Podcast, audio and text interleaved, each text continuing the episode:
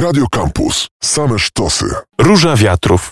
Audycja o stosunkach międzynarodowych. Przy mikrofonie Marcin Łuniewski, a moim i waszym gościem jest pan Krzysztof Iwanek, Ośrodek Badań Azji, Centrum Badań nad Bezpieczeństwem Akademii Sztuki Wojennej. Witam serdecznie, panie Krzysztofie. Dzień dobry panu, dzień dobry państwu.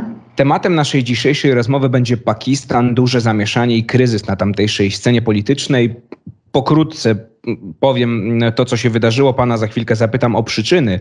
Parlament chciał głosować nad wotum nieufności dla rządzącego krajem od 2018 roku premiera Imrana Kana. Obóz premiera nie chciał do tego dopuścić, więc najpierw zablokowano głosowania, potem prezydent rozwiązał niższą izbę parlamentu. Opozycja oczywiście się na to nie zgodziła, skierowała protest do Sądu Najwyższego, no a ten mm, nie zgodził się na rozwiązanie parlamentu, no i ostatecznie po 14-godzinnej niemal sesji Zgromadzenia Narodowego, czyli parlamentu pakistańskiego, usunięto Imrana Kana z funkcji premiera Pakistanu. I teraz pytanie do pana, panie Krzysztofie, dlaczego stracił poparcie, dlaczego rozpadła mu się koalicja, bo mm, dzięki temu y, partie opozycyjne mogły przepchnąć wotum nieufności? Czy to jest kwestia braku reform, złej sytuacji gospodarczej Pakistanu, czy może, jak twierdzą niektórzy, no, konfliktu z wojskiem, które to wojsko przez wiele lat rządziło Pakistanem i cały czas jest bardzo wpływową siłą w tym kraju? Dziękuję za to wprowadzenie. To jest bardzo dobre podsumowanie i y, wydaje się, że zdarzyły się obie rzeczy, które pan redaktor na końcu wymienił. To znaczy i Iran Khan sobie nie radził z przede wszystkim sytuacją gospodarczą, zarządzaniem państwem i w związku z tym stracił poparcie armii. Nie, nie będę za dużo może słuchaczy zbyt odległą historią zanudzą, ale tytułem wstępu należałoby powiedzieć, że Imran Khan i jego partia e, PTI, Pakistan Tehrik Insaf, czyli Pakistański Ruch na Rzecz Sprawiedliwości, byli bardzo długo marginalną siłą e, polityczną w Pakistanie. Oni bardzo długo nie byli w stanie od lat 90. żadnych wyborów wygrać i nagle wygrali wybory 4 lata temu w 2018 roku. I wtedy mówiło się, że były naprawdę na to dowody, że Imran Khan i jego partia wygrali wybory w Pakistanie dzięki wsparciu armii. No, masowo donoszono o tym, że e, tam były jakieś cuda nad urną. Mówiono o żołnierzach stojących przed punktami wyborczymi, którzy pilnowali najwyraźniej pewnego wyniku. Więc Imran Khan w ogóle doszedł do władzy z ogromnym poparciem, kluczowym pewnie poparciem armii, a teraz zapewne po prostu stracił władzę, bo ta armia to e, poparcie wycofała. Czyli to jest takie.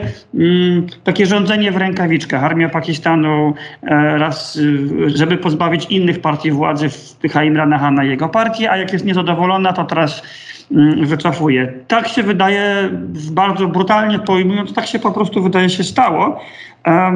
Natomiast no, dlaczego armia to uczyniła? Otóż mm, od mniej więcej dwóch, trzech lat płynęły z Pakistanu takie sygnały, że no, wojsko jest coraz bardziej E, niezadowolony z tego, jak sobie Imran Khan radzi z zarządzaniem krajem.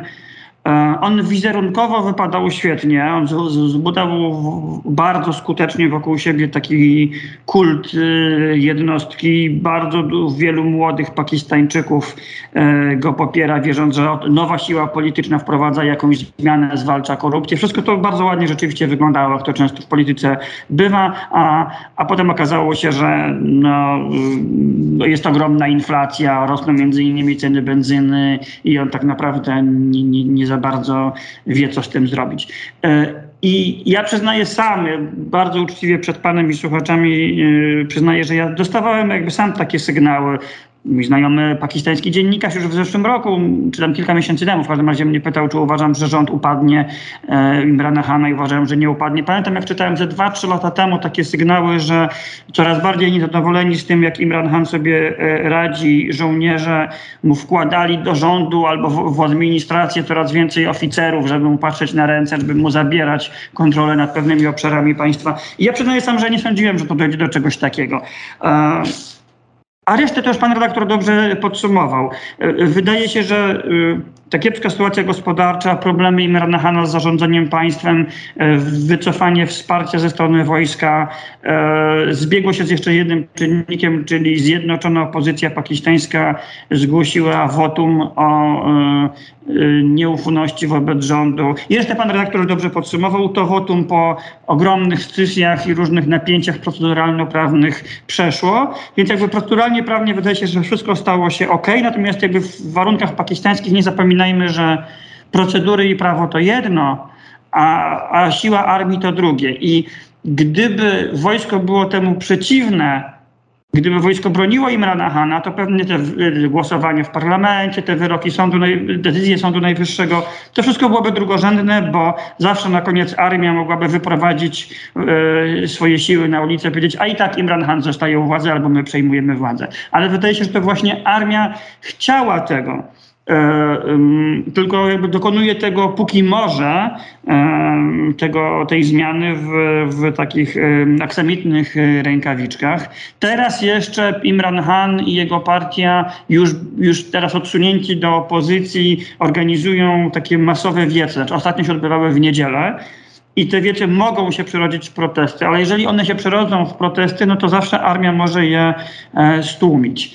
No ale jak dotąd wydaje się, że po prostu mm, dość jednak pokojowo wojsko Imrana Hana odsunęło od władzy i po prostu przestawiło swoje poparcie. Te same partie, które armia pakistańska odsunęła od władzy, wprowadzając Imrana Hana 4 lata temu, teraz te same partie wydaje się, że armia po, po, pozwoliła im odwrócić od władzy, odsuwając Imrana Hana. Więc to jest taka, takie żonglowanie partiami w wykonaniu armii pakistańskiej. Co wiemy o tym 70-letnim polityku, bo ludzie, którzy go znają, mówią, że on jest pracocholikiem, sprawnym zarządcą i dodam już tylko na koniec, że wywodzi się z politycznej dynastii, no bo jego brat Nawaz Sharif trzykrotnie był premierem Pakistanu, więc to nie jest ktoś, kto z polityką nie miał do czynienia. Tak. E, dziękuję za to wprowadzenie, panie redaktorze. O, e, nie, słuchacze tego nie widzą, a ja tutaj ukradkiem wycieram pod z czoła, że, że, że, się przygotowałem, bo ostatnie dwa dni przeglądałem wszystkie półki na mojej, e, wszystkie książki, przepraszam, na mojej półce o Pakistanie, jakie miałem po indeksach, sprawdzając, co tam było o Shehbazie Sharifie, właśnie nowym premierze Pakistanu. E, sądząc, że ktoś będzie mógł mnie odpytywać z tego i właśnie pan mnie odpytuje. Więc e, tak, e, zacząłbym, zanim o samym Shehbazie Sharifie, to może właśnie o tej bazie polityczno-gospodarczej, z której się wywodzi. Ja, ja, ja, wróciłem króciutko tylko do jednego wątku, który tutaj przed przerwą mówiłem, że przedstawiłem taki wizerunek wszechwładnej pakistańskiej armii, która po prostu jak te rękawiczki zmienia raz opozycja, raz rządzący. W tym oczywiście jest dużo racji, no, w tym sensie w, w takiej wizji, bo pakistańska armia ostatecznie no, ma ten ostateczny argument w postaci e, siły zbrojnej, której nikt inny do tego stopnia w Pakistanie jednak nie ma. Tym niemniej, e, gdyby ta armia naprawdę była taka wszechwładna, to by tych partii nie potrzebowała. Jednak jest tak, że partie polityczne w Pakistanie, owszem, znaczą mniej niż na przykład w Polsce, bo Pakistan nie jest w pełni demokracją bezdyskusyjnie, ale jednak te partie reprezentują często pewne siły, z którymi nawet armia się musi liczyć i stąd też wynika to żonglowanie. Jednakże to, to o wszystkim żołnierze nie decydują. Takie siły jak wielkich właścicieli ziemskich, e, wielkie firmy czy elektoraty większych prowincji. I dokładnie taką siłę reprezentuje nowy premier Pakistanu Shehbaz Sharif. Po pierwsze, on i jego brat Nawaz wywodzą się z Pendżabu i w, w, tej części Pendżabu, która jest w Pakistanie, bo jest jeszcze Pendżab indyjski. I w Pakistanie istnieje taka duża dysproporcja sił między e, prowincjami. Dwie najważniejsze prowincje Pakistanu to Pendżab i Sindh. I one są najbardziej ludne, w niej jest, w, w niej jest najwięcej również e, siły gospodarczej. Wielu biznesmenów pakistańskich się wodzi albo z Sindhu, albo z Pendżabu i też rozkład mandatów w parlamencie oznacza, że w zasadzie jakby bez Pendżabu, e, bez jakiegoś poparcia w Pendżabie nie da się wygrywać wyborów w Pakistanie i stąd Partia braci Sharifów, partia nowego premiera, to jest partia Pakistan Muslim League N, w skrócie PMLN.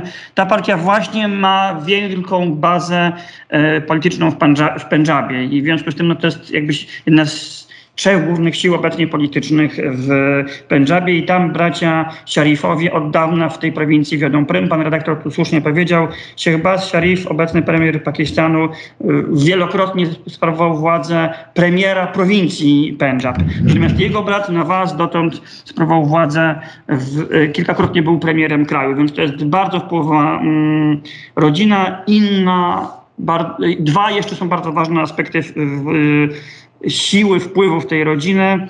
Po pierwsze, bracia Sharifowie to są przemysłowcy. Oni mają taką e, Itifak Foundries, taką, ta, e, taką wielką e, firmę, która zaczęła się w przemyśle metalurgicznym i, i to im da, i ich partia w ogóle wspierana przez wielu wielkich przemysłowców. Znaczy, w sensie źle tłumaczę z angielskiego, biznesmenów. E, trzecia rzecz jest taka, że prawdopodobnie bracia Sharifowie mają wsparcie Arabii Saudyjskiej, ważnego gracza na scenie politycznej Pakistanu, kiedy na przykład e, rząd obalił władzę Nawaza Szarifa, to obaj bracia Szarifowie uciekli do Arabii Saudyjskiej. Wydaje się, że Arabia Saudyjska pomagała im wrócić do Pakistanu, więc tutaj na pewno e, stoi, znaczy prawdopodobnie stoją za nimi też Saudyjczycy. E, przepraszam, jeżeli się tutaj rozgadałem, ale jakby tutaj zawsze te powiązania, te siły, te pieniądze, to nie tylko w Pakistanie zresztą mają kluczową rolę, żeby wyjaśnić skąd się jakiś polityk bierze. Sam się Bas Sharif, co o nim wiemy? Rzeczywiście, po pierwsze, jest oceniany jako sprawny zarządca prowincji Pendżab. To bez dyskusyjnie. E, po drugie, Sheikh Bas Sharif e, dotąd żył bardzo w cieniu swojego brata. Na przykład czasem pytany o jakieś wrażliwe kwestie polityczne, na przykład stosunek do generałów, to się chyba Sharif mówił, to się proszę mojego brata spytać. Ale to nie znaczy, że on miał małe znaczenie, on po prostu jakby może celowo yy, tak się z bratem podzielili, że jeden będzie premierem kraju, drugi będzie premierem najważniejszej prowincji w kraju, no ale nadal najważniejszej, w związku z tym Sheikh Bas nadal jakby grał drugie skrzypce po bracie. Niektórzy natomiast mówią, że Sheikh Bas Sharif jest podobno nawet jakby bystrzejszy od brata. To nie ma co tego tak oceniać, ale w każdym razie on żył w cieniu brata niekoniecznie dlatego, że był, że był jakoś tam politycznie słabszy, tylko była to jakaś tam decyzja e, dwóch braci. Dalej, co jest istotne z Sheikh Bazem Sharifem, że e, on po prostu w pewnym sensie musi przejąć E, władzę, znaczy te, te, te wodze od brata. Dlaczego nie na was? Dlaczego nie kilkukrotny premier państwa? Bo na was Sharif kilkakrotnie ścierał się z generałami pakistańskimi i bo na was Sharif był już przez nich obalany i ma na sobie e, wyroki sądowe, więc jakby e, chcąc nie chcąc łatwiej już wysunąć brata do tej roli. No ale jak to bywa z braćmi, że tak powiem, to pewnie i tak oznacza, że, że rządzą mniej więcej te same osoby, ta sama rodzina, tylko po prostu jeden człowiek zmienił się na drugiego, bo tamten już yy, nie bardzo może. Yy, I może jeszcze jedną ważną rzecz o bazie szerifie. Czy on dotąd pokazał się, może dwie rzeczy, pokazał się z niezłej strony jako przywódca opozycji. On był jedną z głównych sił tutaj organizujących głosowanie nad wotum nieufności przeciw dotychczasowemu rządowi Imrana Hana. Um, i tu mi się wydaje, się pokazał jako całkiem taki charyzmatyczny, sprawny e, przywódca. No zobaczymy, jak, jak się wykaże jako premier. Natomiast z naszej perspektywy jeszcze chciałbym powiedzieć jedną istotną rzecz. Stosunek Shahbaza Sharifa do radykalizmu muzułmańskiego. To dla nas jest istotne, dla nas, dla Europy, bo na przykład Pakistan wspiera afgańskich talibów, e, z którymi między innymi polscy żołnierze walczyli. To krótko tylko bym prosił, panie Krzysztofie, jeszcze w tej, krótko bym prosił w tej części jeszcze odnieść się do tego, co pan powiedział o tak. radykalizmie. Więc w dwóch zdaniach, przepraszam, się rozgadałem. E, Shehbaz Sharif ma tutaj e, taki mieszany e, stosunek. Część, z jednej strony zwalczał muzułmańskich radykałów w swojej własnej prowincji w Pendżabie, a z drugiej strony wspierał finansowo pakistańskich muzułmańskich radykałów zwalczających Indię i sądzę, że jego rządy nie przyniosą tutaj bardziej liberalnej polityki rządów w Islamabadzie wobec muzułmańskich radykałów, więc w tym sensie to nie będą dla nas bardziej rządy pozytywne dla nas, dla Europy, niż poprzednie rządy. Czy Szebach Sharif może ocieplić relacje ze Stanami Zjednoczonymi, a zdystansować się trochę od Chin? Czy będzie próbował grać, lawirować między tymi um, dwoma krajami? No i co do Indii, czy jest szansa na jakieś nowotwarcie na przykład? Jestem zdania, że wielkich zmian w polityce zagranicznej y, Pakistanu teraz nie będzie, ale dlatego, że po prostu znowu armia na to nie pozwoli. Armia ma ogromny wpływ właśnie na politykę zagraniczną. Stany Zjednoczone. Tutaj rzeczywiście Imran Khan y, no, wspierał no, afgańskich talibów, oskarżył Amerykanów o to, że chcą go obalić. Y, I wydaje się rzeczywiście, że armia i nowy rząd w Pakistanie chcą naprawić te stosunki z Amerykanami i że będą próbować to zrobić. Tylko myślę, że po prostu, że Amerykanom tak bardzo na tym tym nie zależy. Amerykanie już się z Afganistanu wycofali. Dla Amerykanów ta współpraca z takim dwulicowym rządem w Pakistanie, który równocześnie wspierał talibów i wspierał Amerykanów, ta współpraca była trudna. Amerykanie już nie są w Afganistanie, więc nie sądzę, żeby oni chcieli to partnerstwo bezpieczeństwa z Pakistanem odbudowywać, cokolwiek by rząd w Pakistanie chciał. To po pierwsze. Chiny Myślę, że równie dobre będą stosunki.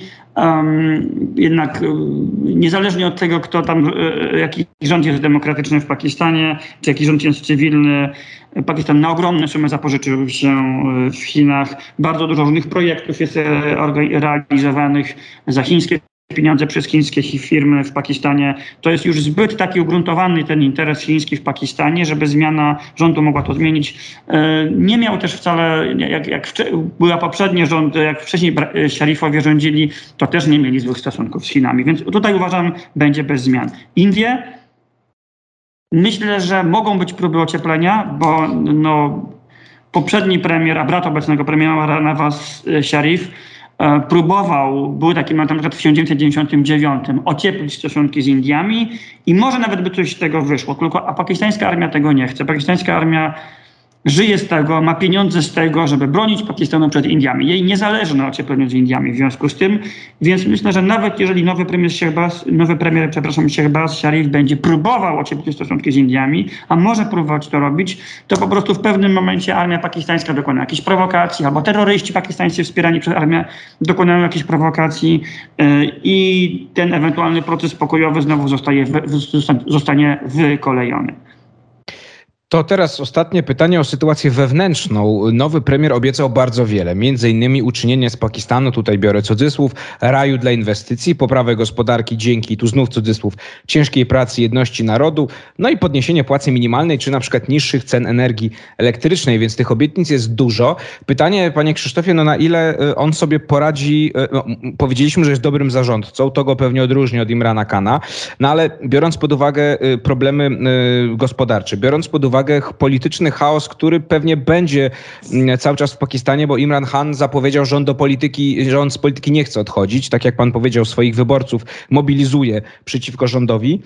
Więc biorąc to wszystko pod uwagę, czy którąś z tych obietnic, albo może wszystkie, uda się zrealizować yy, Szechbazowi Szerifowi? Ja myślę, że, że, że, na pewno wielu mu się nie uda zrealizować. E, myślę, że on tak naprawdę, pan redaktor słusznie wspomniał, że tak czy inaczej, abstrahując od wszystkich tych turbulencji, do których teraz doszło, że rząd się zmienił, to i tak temu rządowi został troszkę ponad rok kadencji. A w związku z tym e, oni będą musieli zaraz, ujmę to bardzo brutalnie, skupić się na rozdawnictwie, na, na tym, na, przepraszam, na tej kiełbasie e, mhm. wyborczej. E, więc tu, tutaj raczej przede wszystkim to będzie się chyba Sharif e, realizował. E, I no, w związku z tym jakby wydatki państwa wzrosną, potem to jakoś będzie musiało to społeczeństwo odczuć z kolei w kolejnych latach w podatkach. Natomiast wydaje mi się, że z elektrycznością e, to się może udać Shehbazowi Sharifowi dzięki Chińczykom właśnie, bo jak dotąd chińskie projekty w Pakistanie te, które najbardziej się udały, najszybciej zostały ukończone i miały jakby największy wpływ, to były elektrownie atomowe, węglowe i one sprawiły, że w Pakistanie bardzo zwiększyła się produkcja energii elektrycznej. Wreszcie Pakistan ma nadwyżki. Coraz mniejszym problemem stają się te blackouty, znaczy momenty, kiedy siada sieć, ludzie nie mają prądu. Tak naprawdę Pakistan już teraz ma więcej energii elektrycznej niż potrzebuje, tylko że problemem jest rozprowadzanie tej energii, że mamy stare sieci i bardzo dużo w transmisji prądu jest e, tracone. Jeżeli na tym się rząd skupi, to ma szansę po części ten problem rozwiązać. Oczywiście potem tylko trzeba będzie te długie Chińczykom zabudowę tych elektrowni spłacić, to jest inna sprawa. Jeszcze tylko ten wątek na koniec.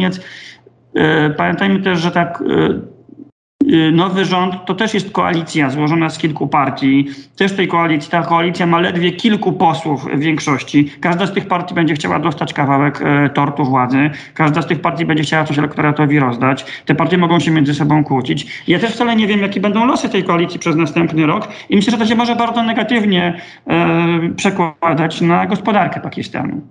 I tu kropkę stawiamy. Krzysztof Iwanek, Ośrodek Badań Azji, Centrum Badań nad Bezpieczeństwem Akademii Sztuki Wojennej był moim i waszym gościem. Bardzo dziękuję panie Krzysztofie za rozmowę.